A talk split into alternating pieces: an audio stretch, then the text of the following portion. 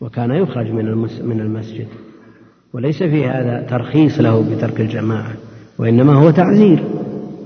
لو أن الناس أحسوا بقيمة هذه الجماعة وعرفوا أن رأس المال هو الدين ما تساهلوا في مثل هذه الأمور. لأنه لو أخرج من مجلس يعني مجلس فيه آه، عشرات الأشخاص يعني في مناسبة ثم قيل له أخرج.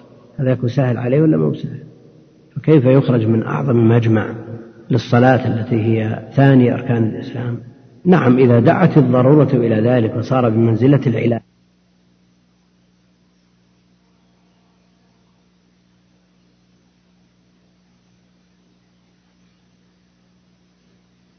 وكان يخرج من من المسجد. وليس في هذا ترخيص له بترك الجماعة وإنما هو تعزير. لو أن الناس أحسوا بقيمة هذه الجماعة وعرفوا أن رأس المال هو الدين ما تساهلوا في مثل هذه الأمور لأنه لو أخرج من مجلس يعني مجلس فيه آه، عشرات الأشخاص يعني في مناسبة ثم قيل له أخرج. هذا يكون سهل عليه ولا مو سهل؟ فكيف يخرج من أعظم مجمع للصلاة التي هي ثاني أركان الإسلام؟ نعم إذا دعت الضرورة إلى ذلك وصار بمنزلة العلاج فإنه حينئذ يأكل يأكل ويتخلف عن الجماعة وإن وجد جماعة أخرى يصليها في بيته كزوجته أو أحد من تخلف عن الصلاة من غير قصد. فهذا أكمل وأفضل. هذا في حال الحاجة. ولا يعني هذا أن الثوم والبصل محرمان. لا. لما سئل النبي عليه الصلاة والسلام عن الثوم حرام هو؟ قال لا أحرم ما أحل الله كما في الحديث الصحيح. نعم الرائحة المذية نعم. إذا أذهبها لا انتهى, انتهى الحكم. الحكم يدور مع علته. هل علة النهي عن تعليق الجرس على البهائم تشبه بالنصارى أم الطرب؟ العلة الطرب. يقول هل يجوز إذا أحد توضأ ثم مسح على الخفين ثم صلى ونزعهما في حال حال الصلاة. يعني في أثناء في حانها وش حانها؟ يعني حالها أثناء فعلها إذا مسح على الخفين ثم مسحهما بطلت الطهارة انتهت الطهارة. يقول إذا تخاصم رجلان وتبين أن الخطأ على أحدهما فيقول المخطئ عليه لا أرضى. حتى تذبح لي ذبيحة هل يكون الذبح والحالة والحالة هذه من الذبح لغير الله؟ إذا ذب إذا ذكيت على اسم الله جل وعلا إكراما لأخيه واسترضاء له وإذهابا لما في نفسه فهي لله إن شاء الله تعالى. شخص يقول حفظنا كتاب التوحيد والعقيدة الواسطية والطحاوية ولم يزد عندنا الإيمان وأراد بهذا الكلام أن ينتقص أن يتنقص طلبة العلم حيث أنهم مشغولون بمثل هذا فهل في كلام هذا شيء؟ نعم فيه أشياء. يعني كونك ما استفدت من هذه الكتب دليل على دخيلة في نفسك. فراجع نفسك. اقرأ هذه الكتب وافهم ما في هذه الكتب واحرص على ما يصلح قلبك. يقول ما الأفضل التمتع والإفراد في الحج؟ ما تنصح من يريد أن يحج وما الفرق بين التمتع والإفراد؟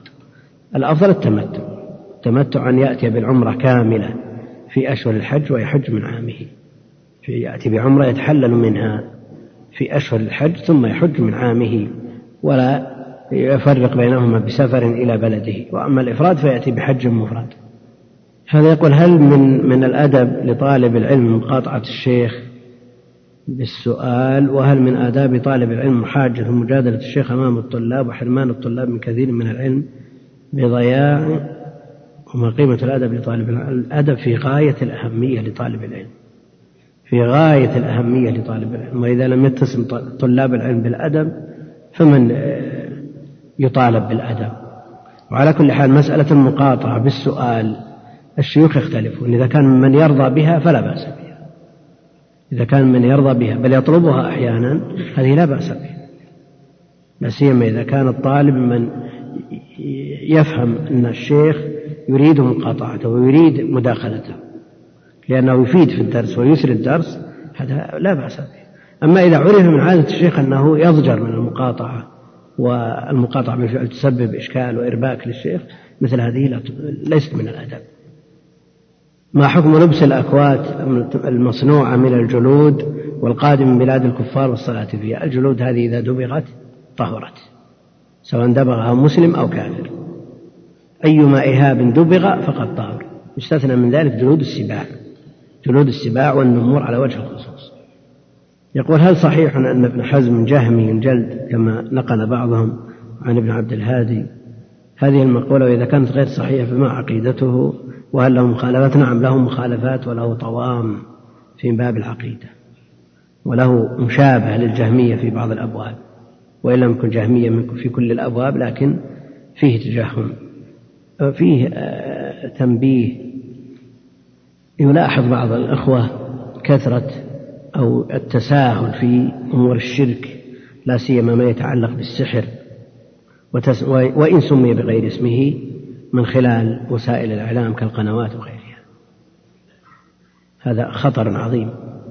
يعني هذا اللي يسمونه سلك يمشي على سلك ندق من الشعر يسمونه احتراف سلك هذا أو سرك. هذا هو السحر بعينه أو يمشي على الجمر. هذا هو السحر. وهذا التخييل هذه الشعوذة. وإن سموها بغير اسمه المحترف فلان إيش المحترف إن كان يفعل ما في مقدور البشر نعم. أما إذا كان فعله غير داخل في إطار مقدور البشر فهذا هو السحر بعينه. اللهم إلا إذا كان ممن تخول له أعماله أن يكون من أهل الكرامات فهذا ممكن. وإلا فالذي يقابل الكرامات الخوارق هذه خوارق الشيطان. سم. الحمد لله رب العالمين. وصلى الله وسلم على نبينا محمد وعلى آله وصحبه أجمعين. أما بعد فقد قال المصنف رحمه الله تعالى فصل. وقد دخل أيضا فيما ذكرناه من الإيمان به وبكتبه وبرسله الإيمان بأن المؤمنين وملائكته عندك؟ لا ما نعم. بكتبه وبملائكته وبرسله. من الإيمان به وبكتبه وملائكته وبرسله الإيمان بأن المؤمنين يرونه يوم القيامة عيانا بأبصارهم كما يرون الشمس صحوا ليس دونها سحاب وكما يرون القمر ليلة البدر لا يضامون في رؤيته يرونه سبحانه وهم في عرصات القيامة ثم يرونه بعد دخول الجنة كما يشاء الله سبحانه وتعالى. الحمد لله رب العالمين وصلى الله وسلم وبارك على عبده ورسوله نبينا محمد وعلى آله وصحبه أجمعين.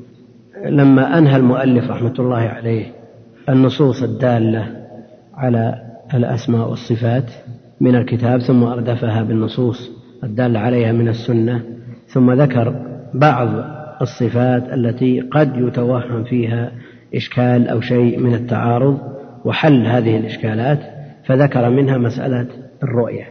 قال رحمه الله فصل وقد دخل أيضا فيما ذكرناه من الإيمان به وبكتبه وبرسله وبملائكته. وجه الإشكال هنا النص الوارد القطعي المتواتر في في مسألة الرؤية الصريح فيه إيهام التشبيه.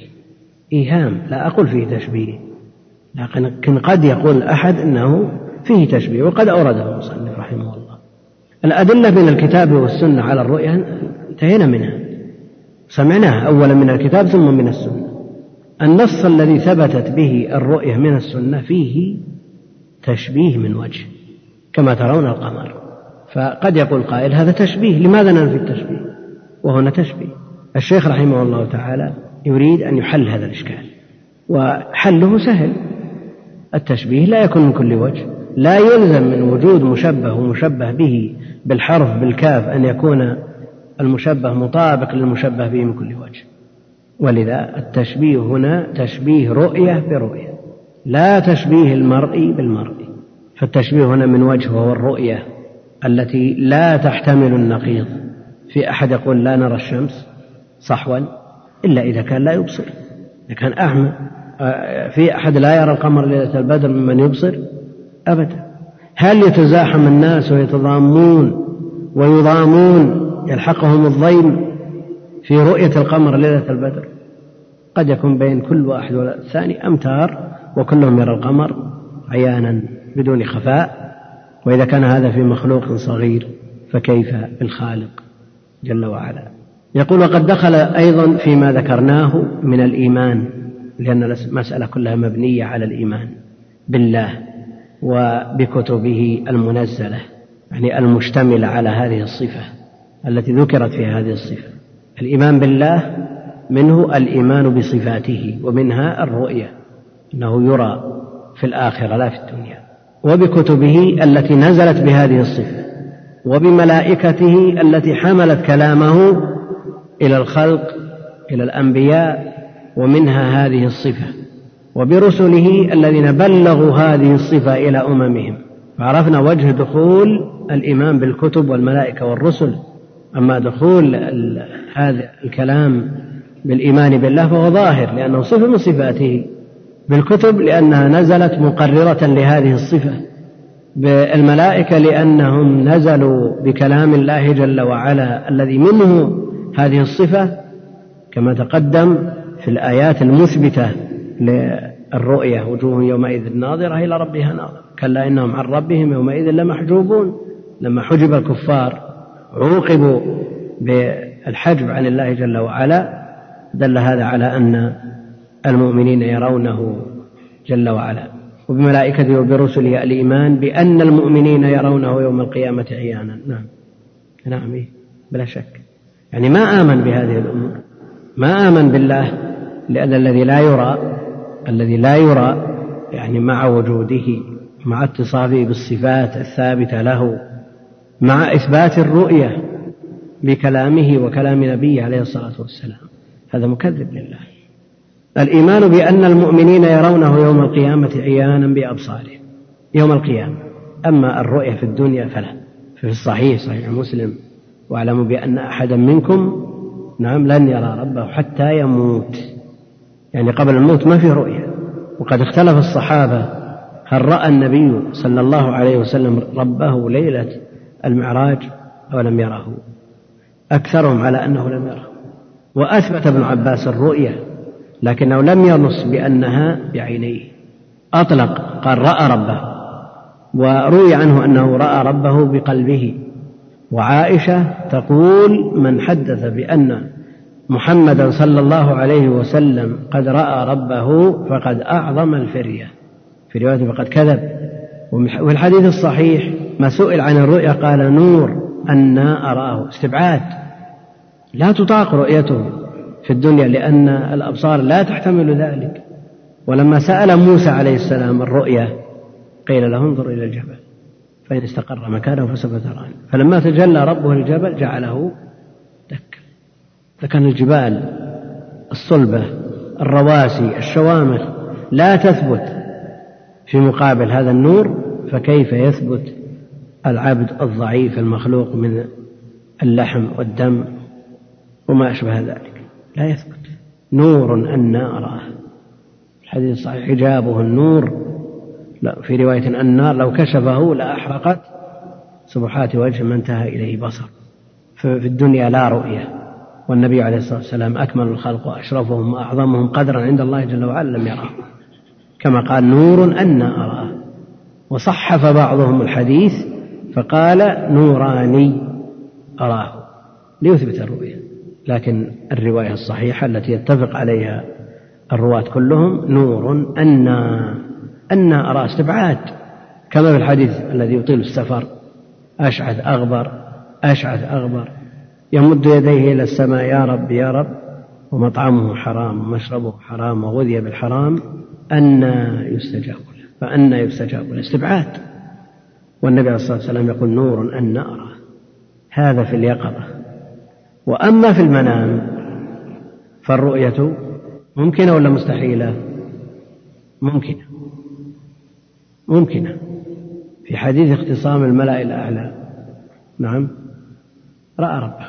وثبت عن بعض الصحابة والتابعين أنهم رأوا. أما في بالنسبة في اليقظة عيانا فلا. لا لمحمد عليه الصلاة والسلام ولا لأحد دونه. الرؤية في الدنيا لا تمكن. وفي الآخرة. سؤال موسى رب أرني أنظر إليك. قال لن تراني. موسى عليه السلام أولا لا يطلب المستحيل فالرؤية ممكنة. لا يطلب المستحيل فالرؤية ممكنة.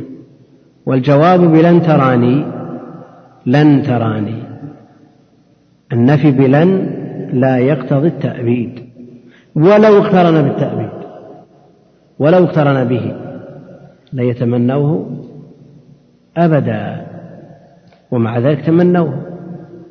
ونادوا يا مالك ليقضي علينا ربك.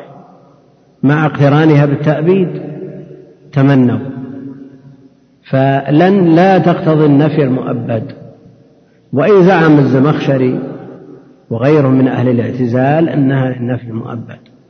ورد عليه ابن مالك في ألفيته بقوله ومن رأى النفي بلن مؤبدا فقولهم بذ وسواه فاعضدا لن هذه لا تقتضي النفي المؤبد. نعم. كيف؟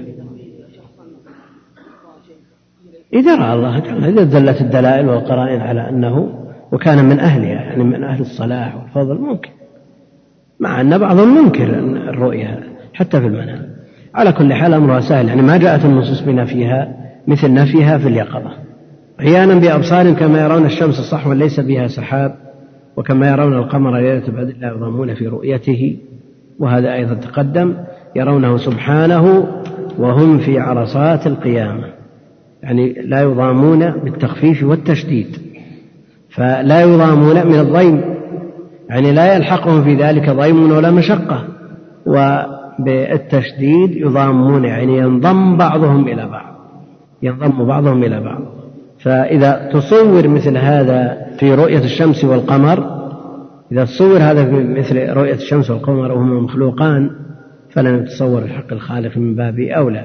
لا يضمون في رؤيته في رؤيته يرونه سبحانه وهم في عرصات القيامة. وهم في عرصات القيامة العرصات جمع عرصة وهي كل مكان واسع لا بناء فيه. بناء مكان فسيح واسع لا بناء فيه. وهم في عرصات القيامة ثم يرونه بعد دخول الجنة كما يشاء الله تعالى. وهذا هو أعظم ما يتلذذ به أهل الجنة. هذا أعظم ما يتلذذ به أهل الجنة. رؤية الباري جل وعلا. ومن حرمها ممن قال الله فيهم كلا إنهم عن ربهم يومئذ لمحجوبون. هذا أعظم عذاب يعذبون به. ورؤية الله جل وعلا أعظم نعيم يتنعمون به. في آه، كلام آه، ابن القيم رحمه الله يقول ويرونه سبحانه من فوقهم نظر العيان كما يرى القمران. هذا تواتر عن رسول الله لم ينكره إلا فاسد الإيمان. لم ينكره إلا فاسد الإيمان. وعرفنا أن من ينكر الرؤية فهو منكر مكذب لله مكذب لرسله جاحد لكتبه وملائكته. المقصود أن هذا مما اتفق عليه سلف هذه الأمة وأئمتها ودلت كما دلت عليه نصوص الكتاب والسنة. فالرؤية ثابتة بالأدلة الثلاثة الكتاب والسنة والإجماع. ويرى من فوقهم يرونه سبحانه من فوقهم من جهة العلو لأنه في جهة العلو. بخلاف من يثبت الرؤية لا في جهة وهل يمكن إثبات رؤية شيء في غير جهة؟ ما يمكن. لكنهم تكايسوا ورأوا أن يصدقوا بالنصوص وأرادوا أن تنطلي أقوالهم هذه على السذج كأنهم صدقوا بالنصوص وهم في الحقيقة لم يصدقوا. لأن الذي يقول يرى لا في جهة لم يثبت رؤية لم يثبت رؤية. لن هذه التي آه، جاء النفي بها يقول عنها صاحب المغني مغني إيش؟ مغني اللبيب نعم يقول لن حرف نصب ونفي واستقبال وليس أصله وأصل لم لا فأبدلت الألف نونا في لن وميما في لم خلافا للفراء لأن المعروف هو إبدال النون ألفا لا العكس نحو لنسفعا ليكونن ولا, ولا أصل لن لا أن فحذفت الهمزة تخفيفا والألف للساكنين خلافا للخليل والكسائي بدليل جواز تقديم معمول معمولها عليها. نحو زيدا لن أضرب.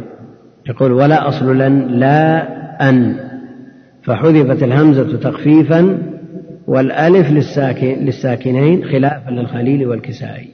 بدليل جواز تقديم معمول معمولها عليها. معمول معمولها. نحو زيدا لن أضرب. معمولها أضرب. معمولها أضرب. ومعمول المعمول زيد. فقدم عليها. لكن هل يجوز تقديم معمولها عليها؟ أضرب لن؟ ما يمكن. خلافا للأخفش الصغير. وامتناع نحو زيدا يعجبني أن تضرب خلافا للفراء. ولأن الموصول وصلته مفرد ولن أفعل كلام تام وقول المبرد إنه مبتدأ حذف خبره أي لا الفعل لا الفعل واقع مردود بأنه لم ينطق به مع أنه لم يسد شيء مسده بخلاف لولا زيد لأكرمتك وبأن الكلام بدون المقدر وبأن لا الداخل على الجملة الأسمية واجبة التكرار إذا لم تعمل. إذا لم تعمل. ولا التفات له في دعوى عدم وجوب ذلك فإن الاستقراء يشهد بذلك. ولا تفيد لن توكيد النفي خلافا للزمخشري في كشافه ولا تأبيده خلافا له في أنموذجه. ولا تفيد لن توكيد النفي خلافا للزمخشري في كتابه في كشافه. يعني التفسير. ولا تأبيده خلافا له في أنموذجه. الزمخشري له كتب في النحو. منها الأنموذج كتاب صغير متن. وله أيضا المفصل. كلاهما في النحو. خلافا له في أنموذجه وكلاهما دعوى بلا دليل. طيب قد يقول قائل ماذا عن قوله جل وعلا في آخر سورة الحج لن يخلقوا ذبابا تأبيد ولا غير تأبيد؟ نعم. فيه احتمال أن يخلقوا ذبابا فيما بعد؟ تأبيد التأبيد هذا مأخوذ من لن ولا من أدلة أخرى؟ لا شك من أدلة أخرى لا من لن. ما أخذ من لن وإنما أخذ من أدلة أخرى. قيل ولو كانت للتأبيد لم يقيد منفيها باليوم في فلن أكلم اليوم إنسيا. ها؟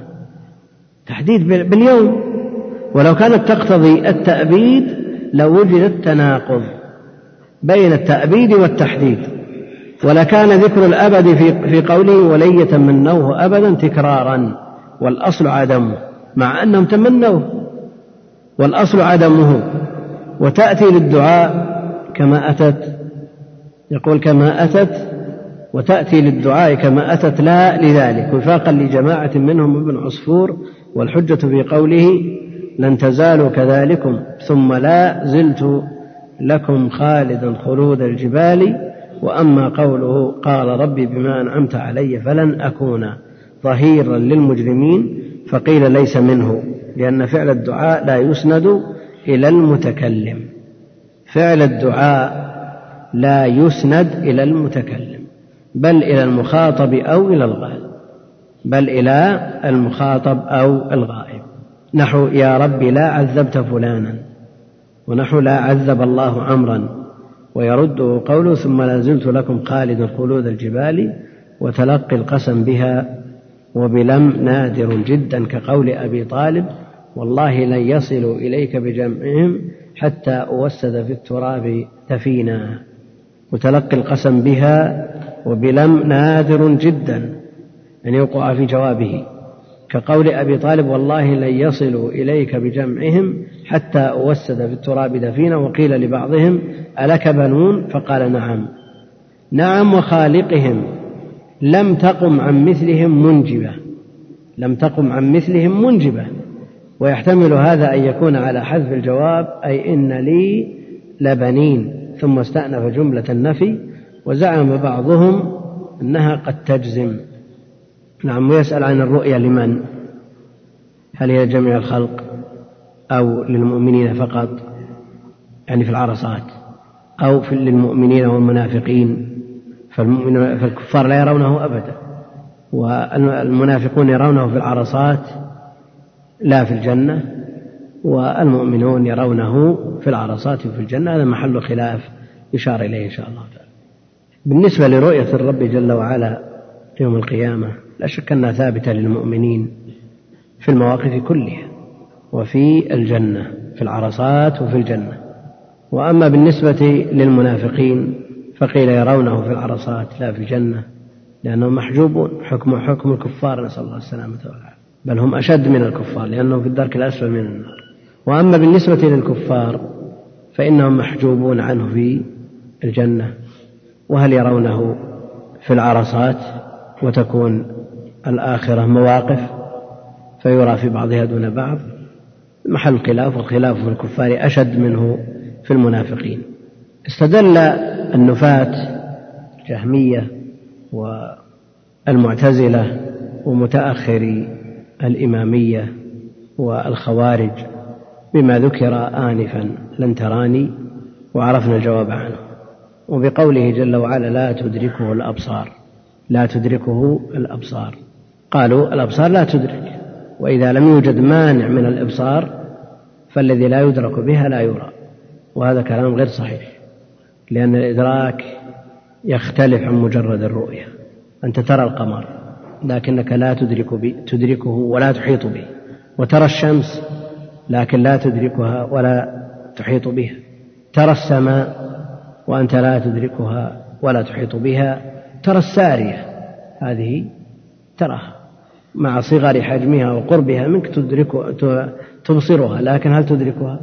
هل تحيط بها من جميع جوانبها؟ أبدا. لأن معنى الإدراك الإحاطة والإحاطة لا بد أن تكون من جميع الجوانب بالتفصيل كما يحيط السوار بالمعصم من جميع الجهات. فنفي الإدراك لا يلزم منه نفي الرؤية. فترى الشيء ترى زيد من الناس لكن هل تدركه من كل وجه؟ هل تحيط به من كل جهة؟ أبدا. لا يمكن أن تحيط به من كل جهة. فإذا كان الإدراك منفي لكثير من المخلوقات يعني يدرك الإنسان الشيء الصغير الذي يقلبه بين يديه مع أنه لا يمكن أن يدركه في آن واحد أيضا. ولو كان صغيرا لأنه لا بد أن ينظر إليه من جهة واحدة. ما ينظر إليه من جميع الجهات في آن واحد. أصغر الأشياء لا يمكن أن يحيط به في آن واحد. فإذا كان هذا في المخلوقات كبيرها وصغيرها فلا أن يكون عدم إدراك الخالق الذي هو أعظم وأعظم وأكبر وأجل من المخلوق من باب أولى. نعم.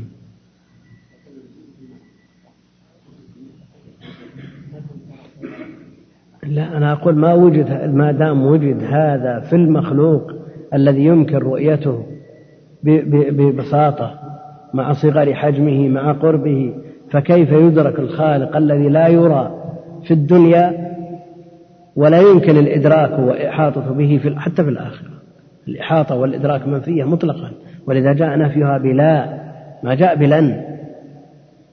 نعم جاء نفيها بلا. يعني إذا كان هذا ممتنع بالنسبة للمخلوقات تدرك اللي خلف هذا. ما تدركه. قد يقول قائل إنه وش الفائدة من وش وجه التعظيم في قوله لا تدركه الأبصار؟ ما وجه التعظيم في قوله لا تدركه الأبصار ونحن ننفي الإدراك عن أصغر المخلوقات؟ نعم؟ نعم. نعم.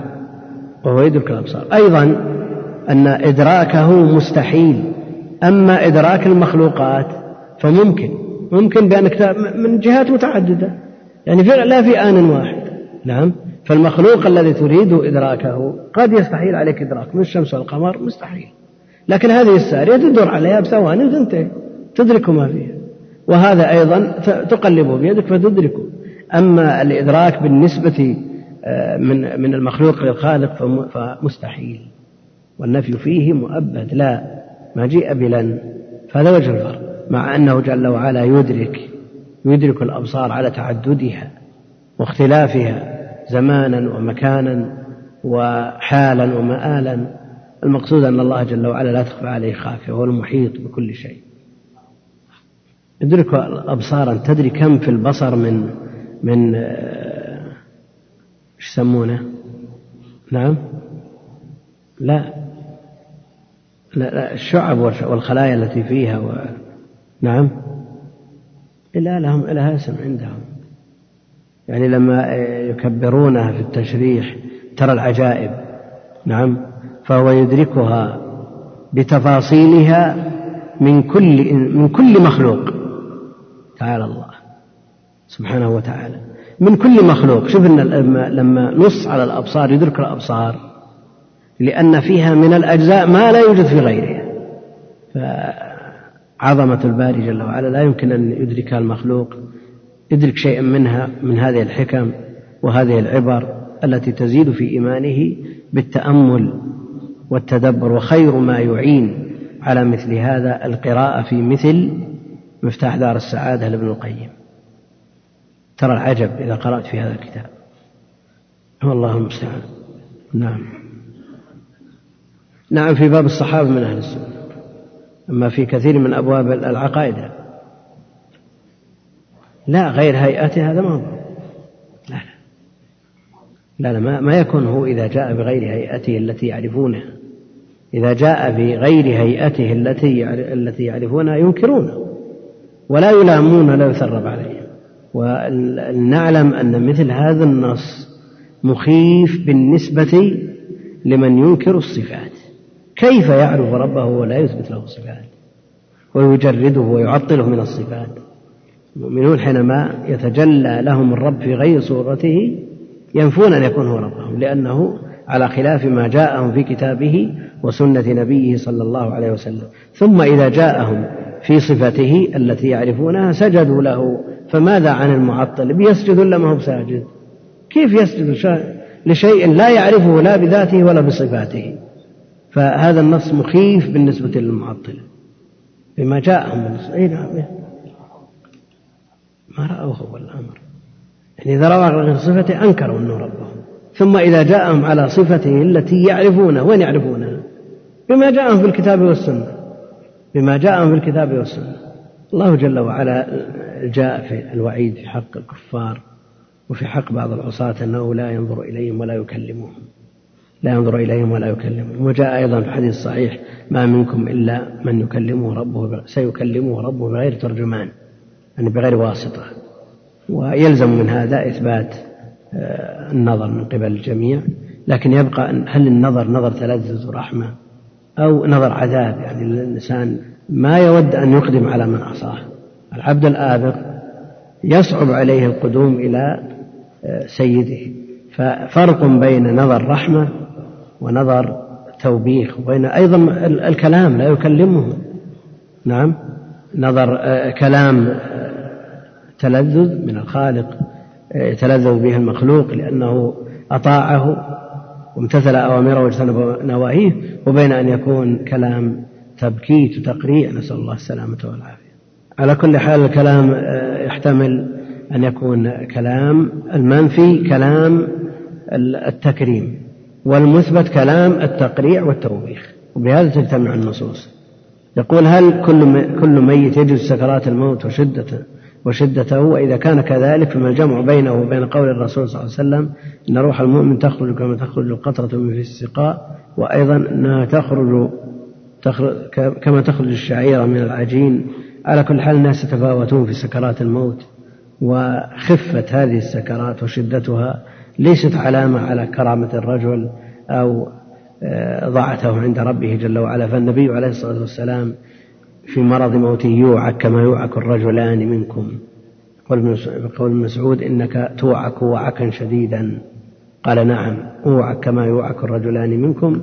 قال ذلك أن لك أجرين. قال أجل فمثل هذه لا شك أنها ترفع بها الدرجات تكفر بها سيئات. لكن جاء في موت الشهيد أنه لا يحس به وجاء أيضا التخفيف السكرات عن بعض الناس لكنها لا تدل على أن هذا أفضل من غيره. نعم. نعم مثل الكرامات. قد تحصل للمفروق ولا تحصل للفائق وين؟ إيه لكن ما دام الرسول عليه الصلاة والسلام يوعك لعل الوعك هذا يكون في مقدمات خروج الروح. الوعك هذا في مقدمات خروج الروح. ولا شك أن الموت له سكرات. إن للموت لسكرات. يقول بعض الناس حينما يذكر حلم النبي عليه الصلاة والسلام يذكر قصة الأعرابي الذي أتى للنبي عليه الصلاة والسلام يطلب منه الصدقة وجذبه في ردائه أو مع ردائه فإذا ذكر القصة يصف ذلك الأعرابي بالجهل والغلظة وغيرها من الأوصاف. السؤال هل يجوز أن يصف ذلك الأعرابي بتلك الأوصاف؟ وهل لا يتم توضيح حلم النبي عليه الصلاة والسلام إلا بسب ذلك الصحابي؟ هذا ليس بسب إنما هو بيان للواقع. ولا يمكن أن يتبين الضد إلا ببيان ضده. يقول وجد من يقول في حديث الجساسة أو يضعفه لتعارضه مع حديث أرأيتكم ليلتكم هذه فإن رأس مئة سنة منها يبقى لا يبقى ممن هو اليوم على ظهر الأرض أحد لأن حديث الجساسة يثبت وجود الدجال الآن وهو حي. على كل حال حديث الجساسة في صحيح مسلم. في صحيح مسلم فهو صحيح لا إشكال فيه ولا مرية فيه. التعارض مع الحديث الصحيح المتفق عليه أرأيتكم ليلتكم هذه ممن هو على ظهر الأرض وهناك في البحر وليس على ظهر الأرض. يقول ما حكم المسح على الجوربين؟ اثنين فوق بعض بالتفصيل وما الضبط الجمع بسبب المطر. إذا لبس جورب على جورب كما يقول العلم وإن لبس خفا على خف فالحكم للفوقاني. الحكم للفوقاني فلا بد أن يلبس على طهارة وأن آه، تبطل الطهارة بنزعه ولو بقي الأسفل. نعم؟ على طهارة رجل لا لا على طهارة رجل اي نعم إيه. اللهم صل وسلم على عبدك ورسولك محمد وعلى آله وصحبه أجمعين. الحمد لله رب العالمين وصلى الله وسلم على نبينا محمد وعلى آله وصحبه أجمعين. أما بعد فقد قال المصنف رحمه الله تعالى فصل ومن الإيمان باليوم الآخر الإيمان بكل ما أخبر به النبي صلى الله عليه وسلم مما يكون بعد الموت فيؤمنون بفتنة القبر وبعذاب القبر وبنعيمه. فأما الفتنة فإن الناس يفتنون في قبورهم فيقال للرجل من ربك وما دينك ومن نبيك؟ فيثبت الله الذين آمنوا بالقول الثابت في الحياة الدنيا وفي الآخرة فيقول المؤمن الله ربي والإسلام ديني ومحمد صلى الله عليه وسلم نبيي وأما المرتاب فيقول ها ها لا أدري. سمعت الناس يقولون شيئا فقلته فيضرب فيضرب بمرزبة من حديد فيصيح صيحة يسمعها كل شيء إلا الإنسان ولو سمع الإنسان لصعق. ثم بعد هذه الفتنة إما نعيم وإما عذاب إلى أن تقوم إلى أن تقوم القيامة الكبرى. فتعاد الأرواح إلى الأجساد وتقوم القيامة التي أخبر الله بها في كتابه وعلى لسان رسوله وأجمع عليها المسلمون. فيقوم الناس من قبورهم لرب العالمين حفاة عراة غرلا وتدنو منهم الشمس ويلجمهم العرق وتنصب الموازين فتوزن فيها أعمال العباد. فمن ثقلت موازينه فأولئك هم المفلحون ومن خفت موازينه فأولئك الذين خسروا أنفسهم في جهنم خالدون. وتنشر الدواوين وهي صحائف الأعمال فآخذ كتابه بيمينه وآخذ كتابه بشماله أو من وراء ظهره كما قال سبحانه وتعالى وكل إنسان ألزمناه طائره في عنقه ونخرج له يوم القيامة كتابا يلقاه منشورا. اقرأ كتابك كفى بنفسك اليوم عليك حسيبا.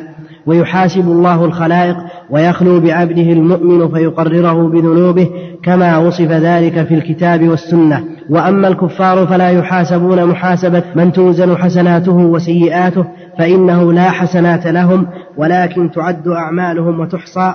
فيوقفون عليها ويقررون بها ويقررون بها ويجزون بها. الحمد لله رب العالمين وصلى الله وسلم وبارك على عبده ورسوله نبينا محمد وعلى آله وصحبه أجمعين أما بعد. فيقول المؤلف رحمه الله تعالى فصل ومن الإيمان باليوم الآخر الإيمان باليوم الآخر ركن من أركان الإيمان أحد أركان الإيمان الستة التي لا يصح إلا بها. فلو تخلف واحد منها ما نفع. جاء تفسير الإيمان بأركانه في حديث جبريل حينما سأل النبي عليه الصلاة والسلام عن الإيمان قال أن تؤمن بالله وملائكته وكتبه ورسله باليوم الآخر تؤمن بالقدر خيره وشره. هذه أركان الإيمان وأشار إليها الشيخ رحمه الله تعالى في صدر الكتاب في مقدمة الكتاب ثم أخذ يتحدث عنها تفصيلا. وبعضها أدخله في بعض. على كل حال هذا هو ركن من أركان الإيمان. شرع الشيخ يتحدث عنه بما يناسب المختصر.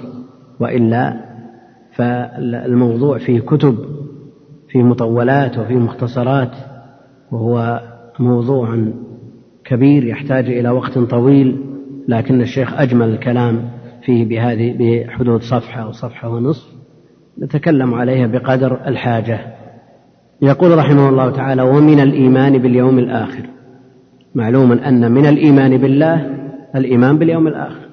ومن الإيمان باليوم الآخر الإيمان بكل ما أخبر به النبي صلى الله عليه وسلم مما يكون بعد الموت وهو الإيمان بالغيب. لأن الإيمان بالمشاهد سهل لكن المدح على الإيمان بالغيب. هذه الغيبيات التي جاءت بها النصوص الصحيحة الصريحة لا مندوحة عن الإيمان بها والإقرار بها خلافا للمبتدعة الذين يتأولونها لماذا؟ لأن عقولهم لا تحتملها وتأتي أقوالهم ضمن المسائل اللاحقة في هذا الفصل من الإيمان بالله من الإيمان بالله الإيمان باليوم الآخر وهو ركن من أركان الإيمان بالله ومن الإيمان باليوم الآخر الإيمان بكل ما أخبر به النبي صلى الله عليه وسلم مما يكون بعد الموت. فكل ما صح عنه عليه الصلاة والسلام لا مندوحة عن اعتقاده والجزم به من غير تردد ولا شك ولا ارتياب. فيؤمن بفتنة القبر فتنة القبر وبعذاب القبر ونعيمه. أما الفتنة هي السؤال والعذاب والنعيم العذاب للمخالف والنعيم للمؤمن على ما سيأتي. فيؤمن بفتنة القبر إنكم تفتنون في قبوركم. وأمرنا النبي عليه الصلاة والسلام أن نستعيذ ونتعوذ بالله جل وعلا من فتنة القبر في كل صلاة في كل صلاة. والاستعاذة بالله من أربع بعد الصلاة على النبي عليه الصلاة والسلام في التشهد سنة عند عامة أهل العلم وإن جاء الأمر بها فالأمر فليتعوذ بالله من أربع. الأمر عند جمهور أهل العلم للندب للندب وأوجبها بعضهم. حتى إن طاووسا كما في صحيح مسلم أمر ولده أن يعيد الصلاة لما لم يستعذ بالله من أربع. فهذا معلوم لدى الخاص والعام. ومقتضى الأمر بالاستعاذة بالله من عذاب القبر أن يقر به كل من يستعيذ بالله منه. يعني من لازم الاستعاذة بالله منه الإقرار به. فالذين ينكرون عذاب القبر كالمعتزلة مثلا هل يستعيذون بالله من أربع كما جاء في الأمر بالحديث الصحيحة هل يتصور أن يستعيذوا بالله من عذاب القبر وهم لا يعترفون به؟ إذا ما موقفهم من الأمر بالاستعاذة بالله من أربع؟ جوابهم عن مثل هذا الحديث أنه يقول حديث يتضمن عقيدة لأن عذاب القبر عقيدة والعقائد لا تثبت بأخبار الآحاد لأنها ليست قطعية. فجوابهم عن هذا الحديث على قاعدتهم المردودة. ممكن. يعني إذا كانوا قعدوا أن العقائد لا تثبت بأخبار الآحاد فيسهل عليهم أن يقولوا أن هذا ما ثبت بخبر الواحد وخبر الواحد لا يفيد إلا الظن والعقائد لا بد لها من القطع. لكن ثبت عذاب القبر بالقرآن بالدليل القطعي. في مثل قول الله جل وعلا النار يعرضون عليها غدوا وعشيا. متى؟ يوم القيامة ولا في القبر؟ في القبر لأنه قال ويوم تقوم الساعة أدخلوا آل فرعون أشد العذاب. فدل على أن النار التي يعرضون عليها غدوا وعشيا إنما هي في القبر. كيف يجيب المعتزلة عن مثل هذه الآية؟ وهي قطعية عندهم. هي قطعية الثبوت ودلالتها على عذاب القبر النار يعرضون عليها غدوا وعشيا ويوم تقوم الساعة. يعني هذا عطف الشيء على نفسه أو العطف يقتضي المغايرة. العطف يقتضي المغايرة حتى هم يقرون بهذا لكنه الخذلان نسأل الله السلامة والعافية. وقد جيء بمعتزل ليصلى عليه قد مات. وقد جيء بمعتزل ليصلى عليه قد مات. وأدرج في أكفانه وقدم للصلاة عليه. فالمعتزلة يعرفون بعضهم يعرف بعض. فطلبوا من أهل السنة أن يصلوا عليه. وألحوا على واحد فكان من دعائه الأصل في صلاة الجنازة أنه يدعى للميت أنه يدعى للميت والصلاة شفاعة. فكان من دعائه اللهم إن فلانا إن عبدك فلان هذا لا يقر بعذاب القبر فأذقه إياه. ما يحتاج أن يقال مثل هذا الكلام. ما يحتاج أن يقال مثل هذا الكلام لكن حصل هذا. لا الموقف ما يقتضي مثل هذا لأن هذه وفاة إما أن تصلي عليها واتركه المقصود أن المعتزلة لا يقرون بعذاب القبر والسبب في ذلك أن العقول لا تحتمل وأنه لو نبش, نبش المقبور ما شوهد هذا العذاب. وجميع ما جاء في عذاب القبر وما يحصل للمقبور لا يشاهد. يقول ننبش قبر كافر ما نراه يعذب. ننبش قبر مرتاب شاك ما نجد أثر للمرزبة التي يضرب بها ولا نجد أضلاعه قد اختلفت حتى أن منهم من قال يوضع مادة للاختبار ثم ينبش بعد ذلك. وضعوا مادة زئبق على ميت ليختبروا هل هو صحيح أنه يأتيه الملكان فيقعدانه لأن الزئبق ما يثبت معروف. وأسرع المواد في الحركة فنبشوه بعد ذلك وجدوا الزئبق في مكان لكن هل بمثل هذه الأمور ترد النصوص الصحيحة الصريحة؟ ترد بمثل هذا؟ هذه أمور لا يحتملها العقل والقدرة الإلهية فوق ذلك كله. هذه أمور غيبية. كثير من مما يكون بعد الموت لا يحتمله عقل يعني كيف يحتمل العقل أيضا العذاب في النار؟ كلما نضج جلودهم بدلناهم جلودا غيرها وهكذا إلى إلى ما لا نهاية. وإذا حكم العقل لم يثبت أمام شيء. أمور في من أمور الدنيا لا يحتملها العقل. هل تنفى بمجرد عدم احتمال العقل؟ العقل قائد سائق ولا مسوق؟ يجب أن يكون مسوقا. العقل لا شك أن الشرع جعله مناط التكليف لكن مع ذلك القائد هو النص. والعقل السليم لا يخالف النقل الصحيح. لكن أين العقول السليمة والفطر المستقيمة التي لم تتغير؟ ولو كانت العقول سليمة والفطر مستقيمة ما حكم العقل في الشرع؟ لأن العقل ضعيف. ومثل هؤلاء يبتلون بالمضحكات حتى أن ممن يعد من من الكبار كبار الفلاسفة الذين يزعمون أنهم أهل العقل وأهل الحكمة يخلو في غرفة وقد فتح للقط فتحة من تحت الباب يدخل القط ويخرج. يستفيد منه يأكل ما فار ولا شبهه ويأكل باقي الطعام. فلما ولدت الهرة فتح لولدها فتحة أخرى. نعم. فقيل له الفتحة اللي تأخذ الأم ما تأخذ البنت؟ نعم. يزعمون أنهم كبار يزعمون أنهم هم أهل العقول وأن من سواهم دراويش ما يفهمون فيبتلون بالمضحكة. وكل من كان الشرع قائده فهو المسدد وهو الموفق لأنه يأوي إلى قاعدة متينة لا خلل فيها ولا اضطراب. وأما العقل فالعقول متفاوتة. لو كان من عند غير الله لوجدوا فيه اختلافا كثيرا. كل إنسان يقول أنا رأيي هو الصواب.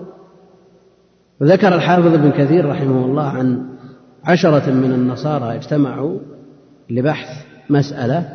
يقول فصدروا عن أحد عشر قولا أكثر من عدد. فالأقوال المنضبطة هي التي عمدتها ومعولها على النص. وإذا فتح المجال للاحتمالات العقلية المجردة فإن الإنسان لن يصل إلى نتيجة. ولذلك كانت نهايتهم الحيرة. كانت النهاية بالنسبة لهم الحيرة ويتمنون أن ماتوا على عقائد عوام المسلمين وعلى عقيدة العجائز.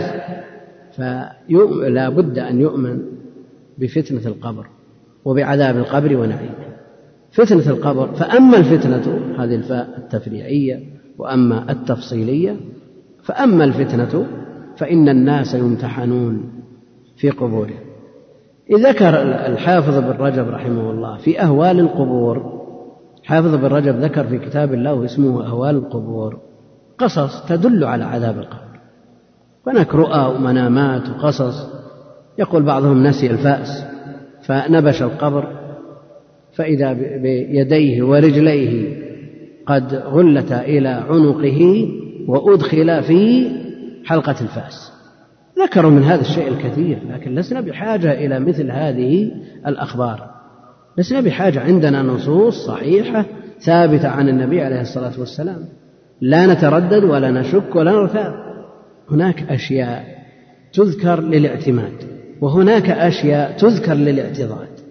يعني ما يعول عليها ولا يعتمد مثل ما ذكر شيخ الإسلام بالنسبة للأخبار الضعيفة وما يذكر عن بني إسرائيل وما يذكر من حوادث العالم وما يذكر من الوقائع المشاهدة هذه لا يعتمد عليها ولا يعول عليها في تقرير مسائل علمية وإنما تذكر للاعتراض ما فيها إشكال يعني مجرد ذكر لا إشكال فيه. اللهم إلا إذا أدى الذكر إلى تعلق الناس بها إلى تعلق الناس بها بحيث لا يؤثر فيهم إلا مثله. فإذا ذكرت النصوص ما تأثر. مثل هذه يعرض عنها. ومعول القصاص في القديم والحديث على مثل هذه الأمور. تجدهم يذكرون الناس بها. وكم سمعنا أن شخصا رأى شخصا يحتضر ومن يشرب الدخان فانقلب وجهه عن القبلة أو صار وجهه أسود أو ما أشبه ذلك.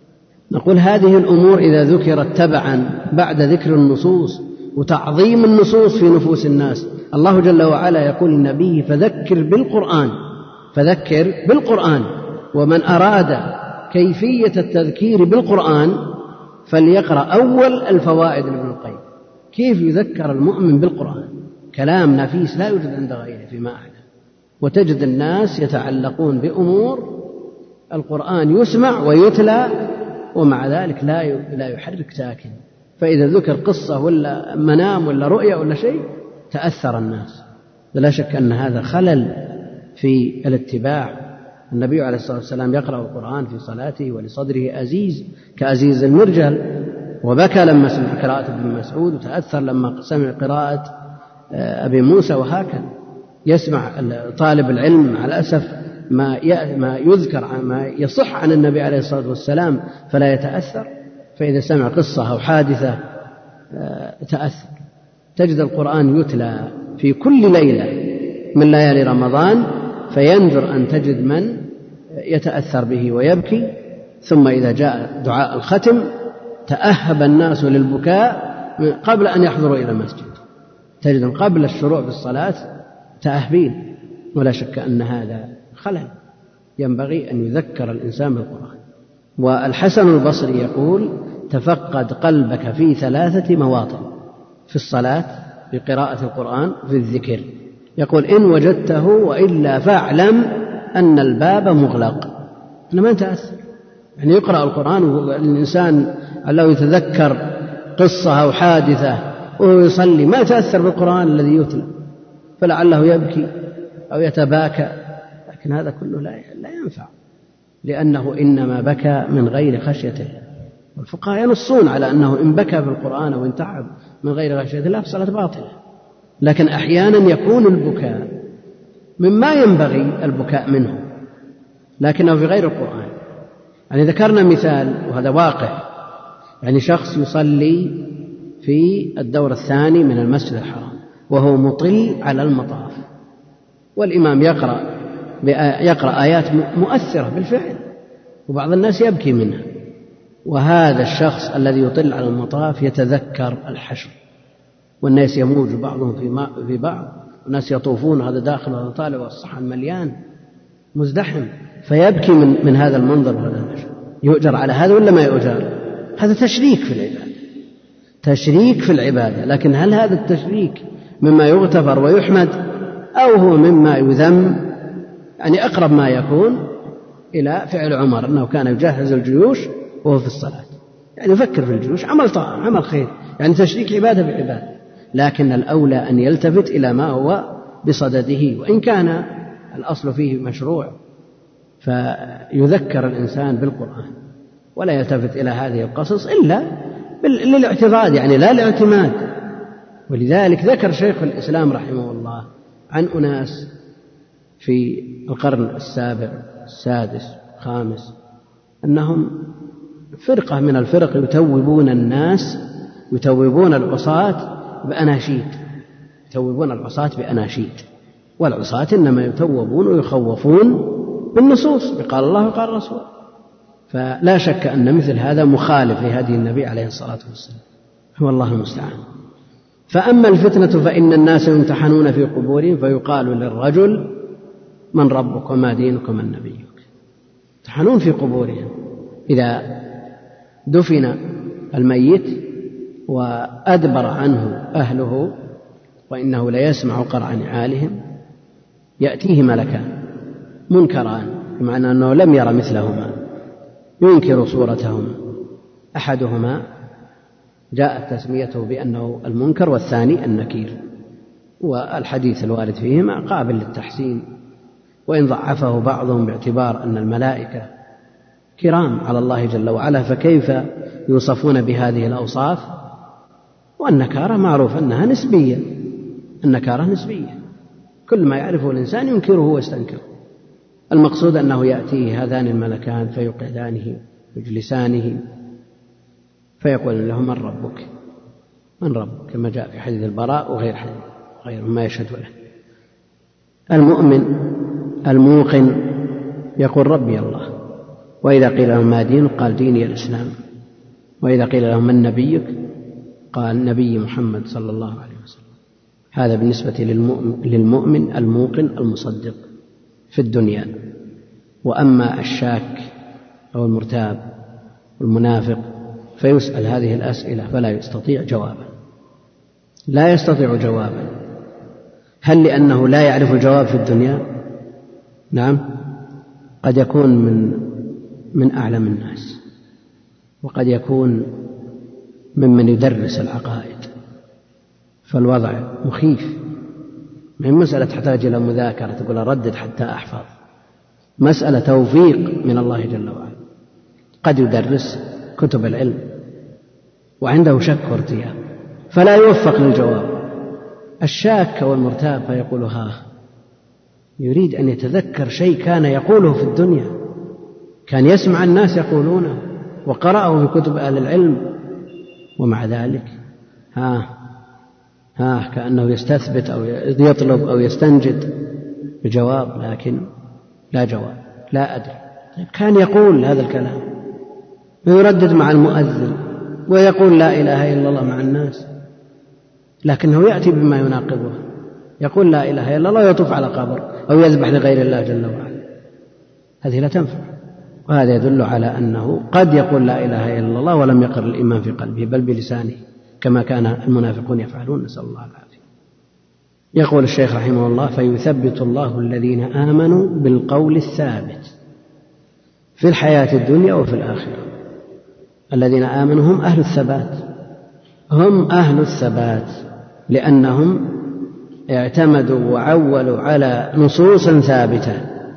لا تتغير ولا تتبدل. في الدنيا ثابتون يثبت الله الذين آمنوا بالقول الثابت في الحياة الدنيا وفي الآخرة.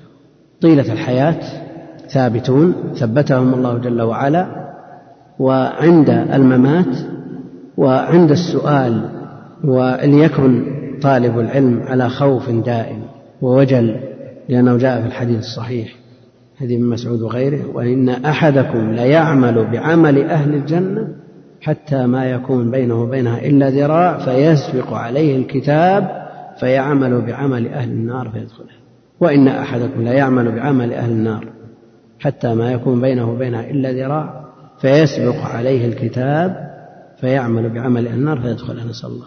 بعمل أهل الجنة والأول بعمل أهل النار فيدخلها والأعمال بالخواتيم. لكن من عبد الله جل وعلا صادقا مخلصا قلبه سليم من الدخائل فإنه يثبت يثبت الله الذين آمنوا بالقول الثابت. جاء في بعض الروايات قيد لا يعمل بعمل أهل الجنة فيما يبدو للناس الثاني يعمل بعمل أهل النار فيما يبدو للناس ولكن من تصرف سلف هذه الأمة ومن واقعهم يدل على أنهم لم يقيدوا المطلق بالقيد. ومع وجود هذا القيد فإن الإنسان لا يضمن لأنه إن ضمن فقد زكى نفسه وقد نهي عن ذلك. فيبقى خائفا وجلا يحسن الظن بربه لكن يسيء الظن بنفسه وبعمله فيحرص على الإخلاص. فيقول المؤمن ربي الله والإسلام ديني ومحمد صلى الله عليه وسلم نبيي وأما المرتاب الشاك فيقول ها ها لا أدري. سمعت الناس يقولون شيئا فقلته فيضرب بمرزبة من حديد مطرقة كبيرة وقد تبدل الميم همزة إرزبة ويطلق الناس العامة ما زالوا يقولون مرزبة. إلى الآن وهم يطلقونه وهي تشبه العصا الغليظة محددة الطرفين تكسر بها الصخور. بعض الجهات تسميها إيش؟ هيب نعم. موجود في حول أطراف الرياض يسمونها بالهيب. على كل حال المرزبة والرزبة هذا ما زال مستعمل ومتصور والضرب بها هي تكسر الصخور والمقصود التي تكسر الصخور هذه المحسوسة مع أنها لا نسبة لها مما لا نسبة لها بالنسبة لما يضرب به الشاك والمرتاب. لأن هذا تقريبي أو المشاركة في الاسم فقط لأنه كما جاء عن ابن عباس ليس في الدنيا مما, مما في الآخرة إلا الأسماء. ويخطئ من يرسم بعض الصور لما جاء في النصوص من أمور الآخرة. لأن هذا تهوين من شأنها.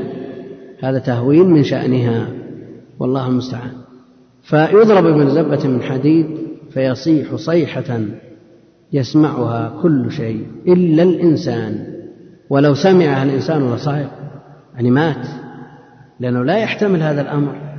وقد جاء في الحديث الصحيح لولا أن تدافنوا لأسمعتكم. بعض الروايات لولا أن لا تدافنوا لأسمعتكم. ولولا أن تدافنوا يدفن بعضكم بعضا من كثرة الأموات لسماع المعذبين في قبورهم. ولولا أن لا تدافنوا أيضا لكثرة الأموات كثرة بحيث لا يستطاع أن يدفن كل من مات لعدم القدرة على ذلك.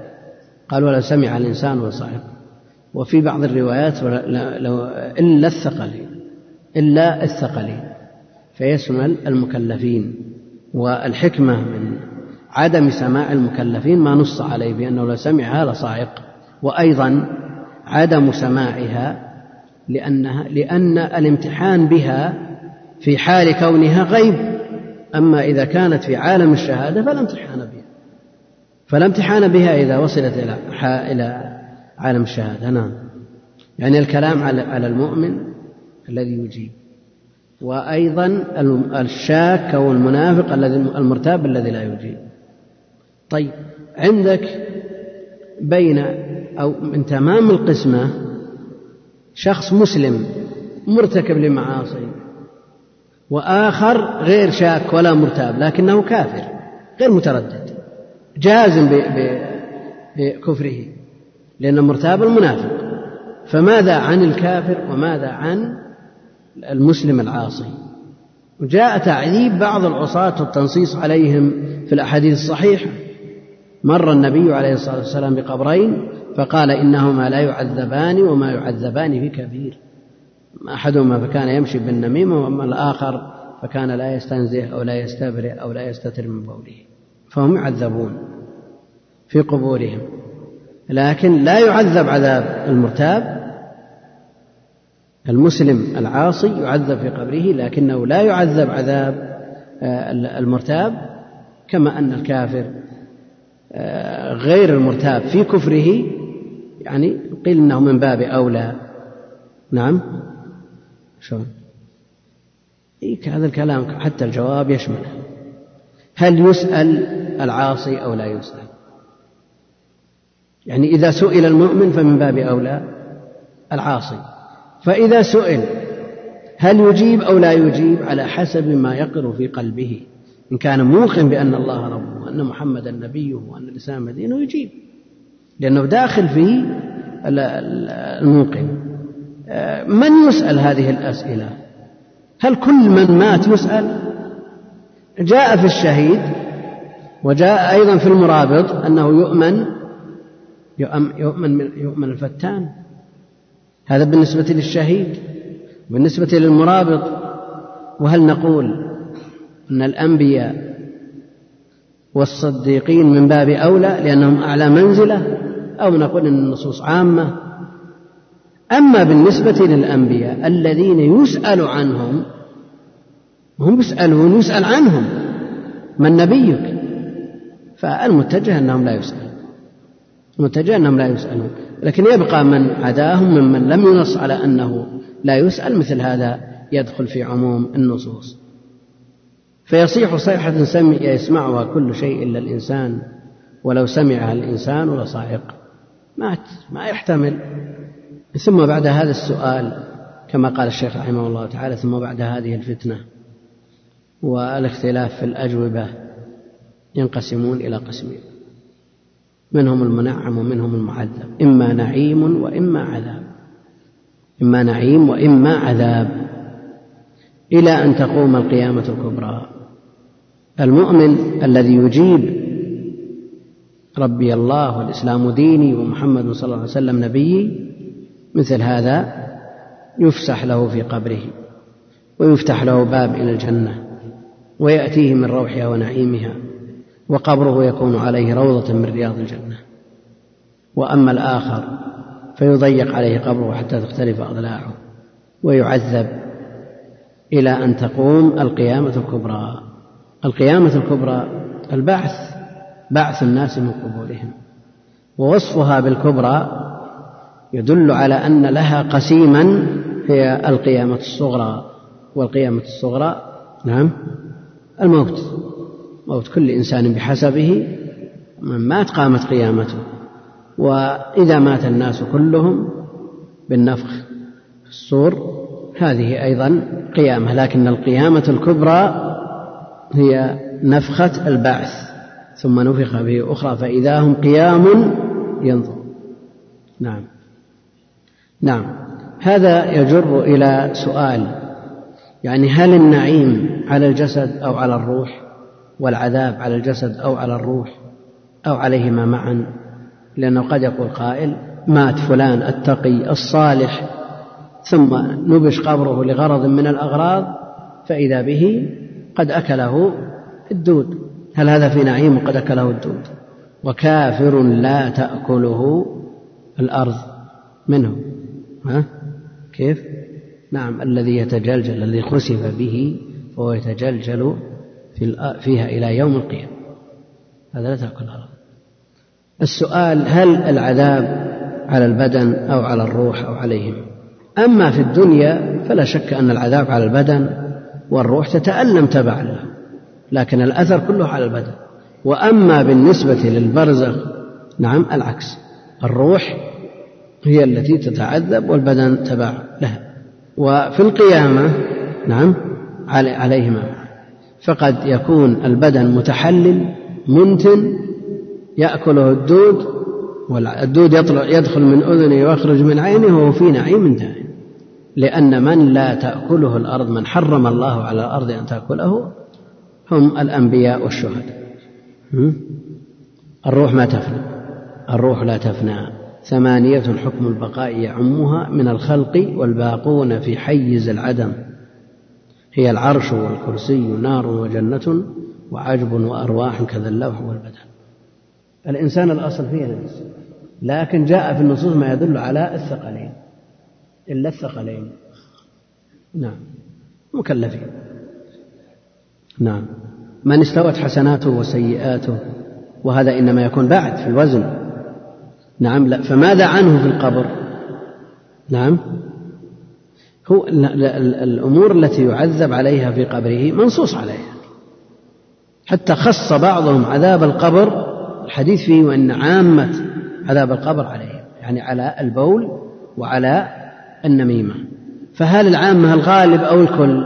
مسألة خلافية بين أهل فمن قال أن عصاة الموحدين لا يعذبون في القبور إلا من ارتكب هذين الذنبين العظيمين قال لا يعذب. ومن قال إن عامة يعني أكثر فقد يعذب على غيرهما والله أعلم. هذا شيء ما تدركه العقول. وهذه أمور يقتصر فيها على موارد النصوص فقط.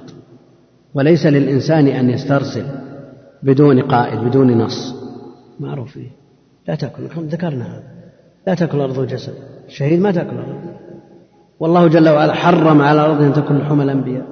هذا ما ذكرناه ودنا الإخوان أنا مقرر أن ننهي الكتاب في نهاية الفصل. ما ودنا نتوسع أكثر من هذا. يقول ثم بعد هذه الفتنة إما نعيم وإما عذاب إلى أن تقوم القيامة الكبرى. فتعاد الأرواح إلى الأجساد. تعاد الأرواح إلى الأجساد. لأن الأجساد التي تحللت التي تفرقت التي تمزقت ومنها من مات في البر ومنها من مات في البحر ومنها من أكلته السباع. هؤلاء يمطرون أربعين. يقول أبو هريرة لا أدري أربعين يوم أو أربعين سنة. بماء يشبه ماء الرجال فينبتون تنشق عنهم الأرض. وأول من تنشق عنه الأرض النبي محمد عليه الصلاة والسلام. ويقول في الحديث الصحيح فإذا موسى آخذ بقائمة العرش في رواية باطش يعني آخذ بقوة مستمسك فلا أدري أبعث قبلي أم جوزي بصعقة الطور. يعني ما صعق. المقصود أن الناس بعد هذه الفتنة تعاد وبعد القيامة الكبرى تعاد الأرواح إلى الأجساد. فالأجساد تعاد فتعاد إليها الأرواح وتقوم القيامة التي أخبر الله بها في كتابه وعلى لسان رسوله وأجمع عليه عليها المسلمون تقوم القيامة التي أخبر الله بها في كتابه ويوم تقوم الساعة.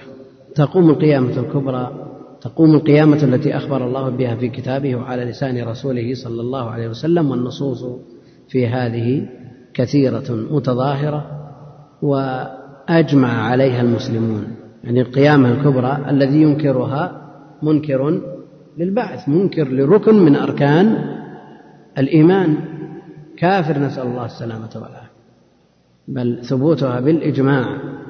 وكيف ينكر قيام الناس من قبورهم ويتم مع ذلك الجزاء والحساب الذي هو نتيجة التكليف؟ يعني كون الناس يكلفون بالأوامر والنواهي. توجب عليهم الواجبات تحرم عليهم المحرمات ثم بعد ذلك لا يجازون أو يجازون بدون بعث كل هذا لا ينفع. إنما يتم البعث تقوم القيامة الكبرى ثم بعد ذلك يجازون بأعمالهم. فيقوم الناس من قبورهم لرب العالمين. يقول الكافر من بعثنا من مرقدنا؟ فيجاب يجيبه المؤمن. هذا ما وعد وصدق المرسل. هذا الوعد. لأن الأول لا يقر والثاني يقر. صدق مؤمن فيقوم الناس من قبورهم لرب العالمين.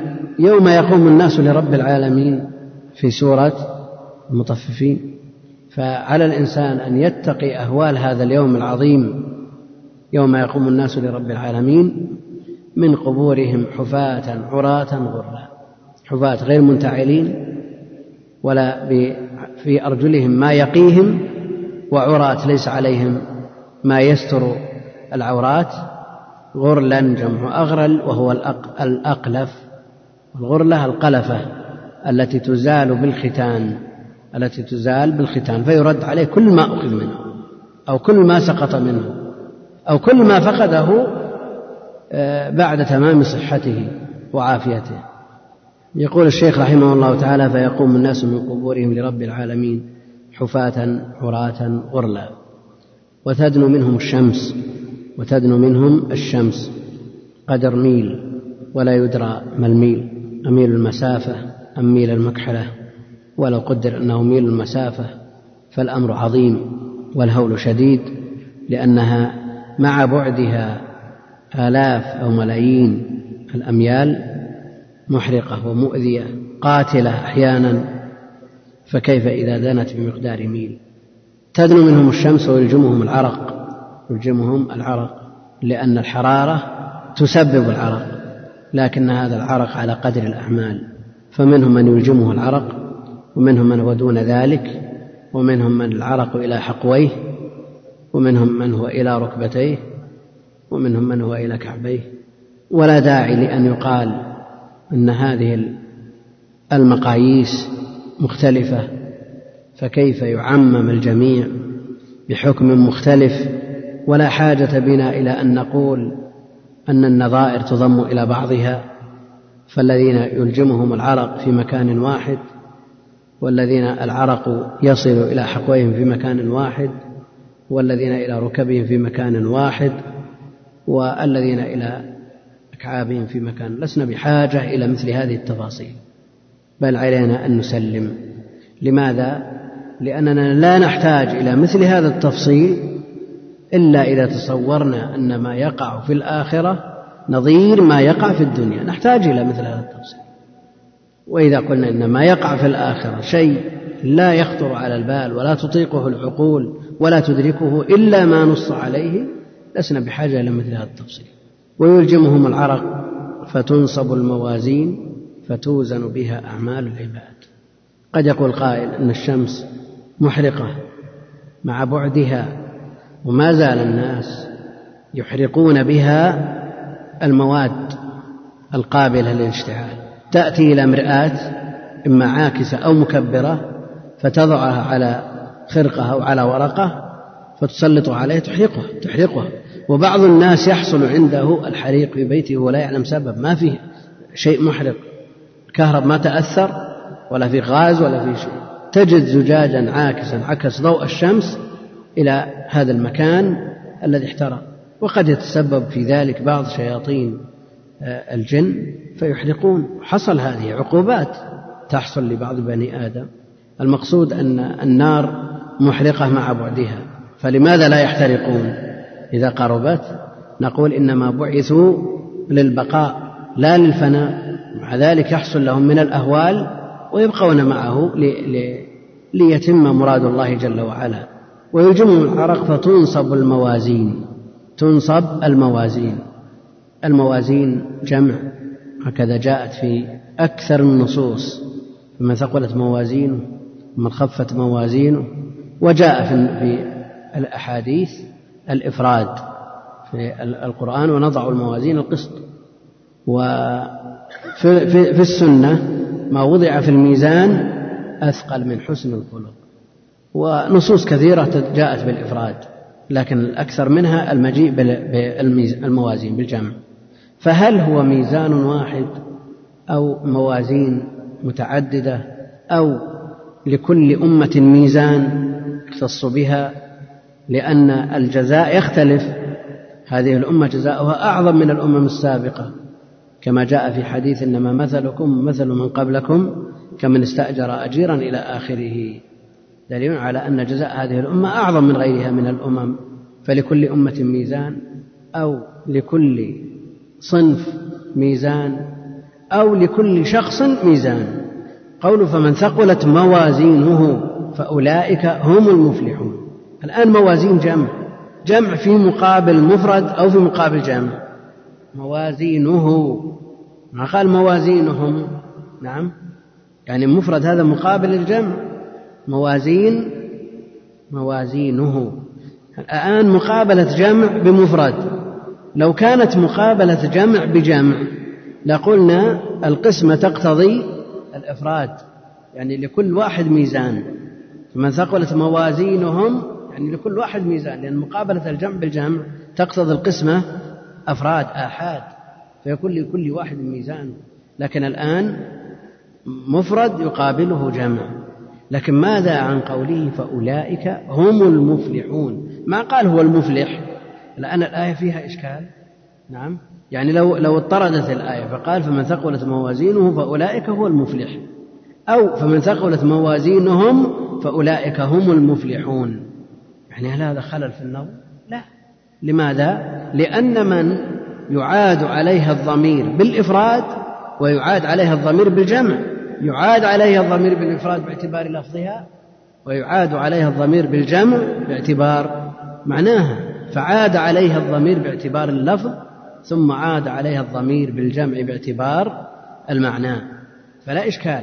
وتبقى المسألة خلافية. هل لكل شخص ميزان أو لكل صنف ميزان أو لكل أمة ميزان وعلى كل حال آه، مثل هذا التفصيل يحتاج إلى وقت. له كتبه كتب التي تحدثت عن الآخرة كالتذكرة للقرطبي وهو من أفضل ما كتب والبحور الزاخرة السفاريني. كتب كثيرة كتبت في الموضوع مطولة ومختصرة. فمن ثقلت موازينه فأولئك هم المفلحون ومن خفت موازينه فأولئك الذين خسروا أنفسهم في جهنم خالدون. الجمع قالوا جمع باعتبار الموزون لا باعتبار الميزان. عندما يقولنا الميزان واحد يقول جمعت الموازين باعتبار الموزون. كأنه قال فمن ثقلت حسناته المتعددة ومن خفت حسناته المتعددة. ويلزم من ثقل الموازين من ثقل الحسنات خفة المقابل السيئات لأن الوزن للأعمال الحسنة في كفة والسيئة في كفة. فإذا ثقلت ورجحت الحسنات طاشت السيئات والعكس. ومن خفت موازينه خفت موازينه يعني خفت حسناته التي وضعت في الميزان فأولئك الذين خسروا أنفسهم في جهنم خالدون. فالذي يوزن العمل الذي يوزن العمل. وقد يوزن الشخص يعني ابن مسعود لما رقي على الشجرة شجرة الأراك وأراد أن يقطع منها تعجب الصحابة من دقة ساقيه. فقال النبي عليه الصلاة والسلام إنهما لأثقل في الميزان من كذا. ويؤتى بالرجل السمين فلا يزن عند الله جناح بعوض. يدل على أن صاحب العمل قد يوزن لكن ليس كل الناس يوزن. والأصل أن الوزن للعمل. لأنه هو الذي يترتب عليه الجزاء. لكن قد يوزن صاحب العمل. من ثقلت موازينه يعني رجحت حسناته على سيئاته هؤلاء هم المفلحون.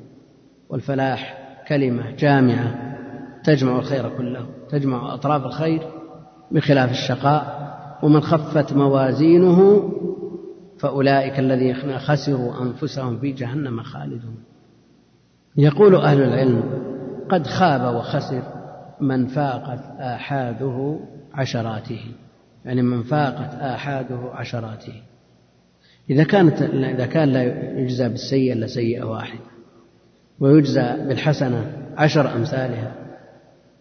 إلى سبعمائة ضعف إلى أضعاف كثيرة.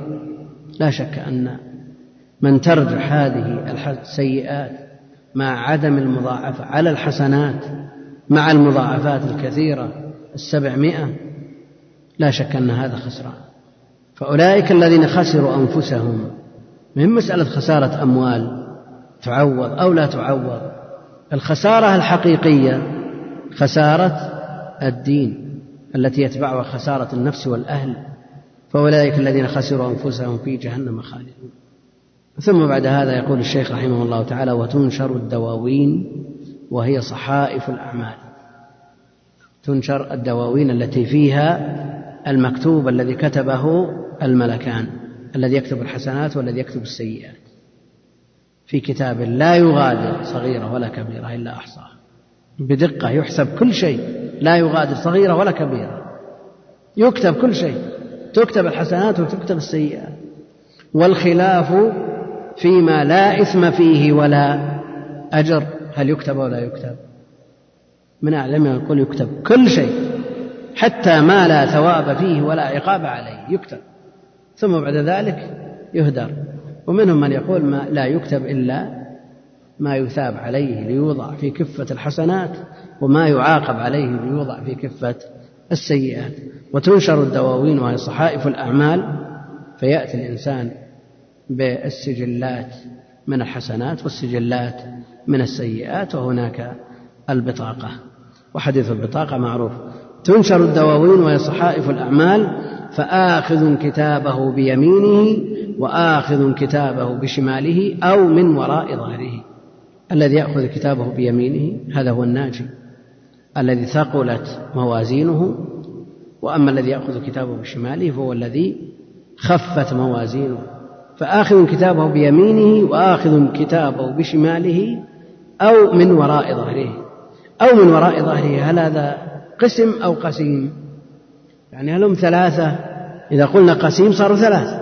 صار منهم من يأخذ الكتاب باليمين ومنهم من يأخذ الكتاب بالشمال ومنهم من يأخذ الكتاب من وراء ظهره. ها؟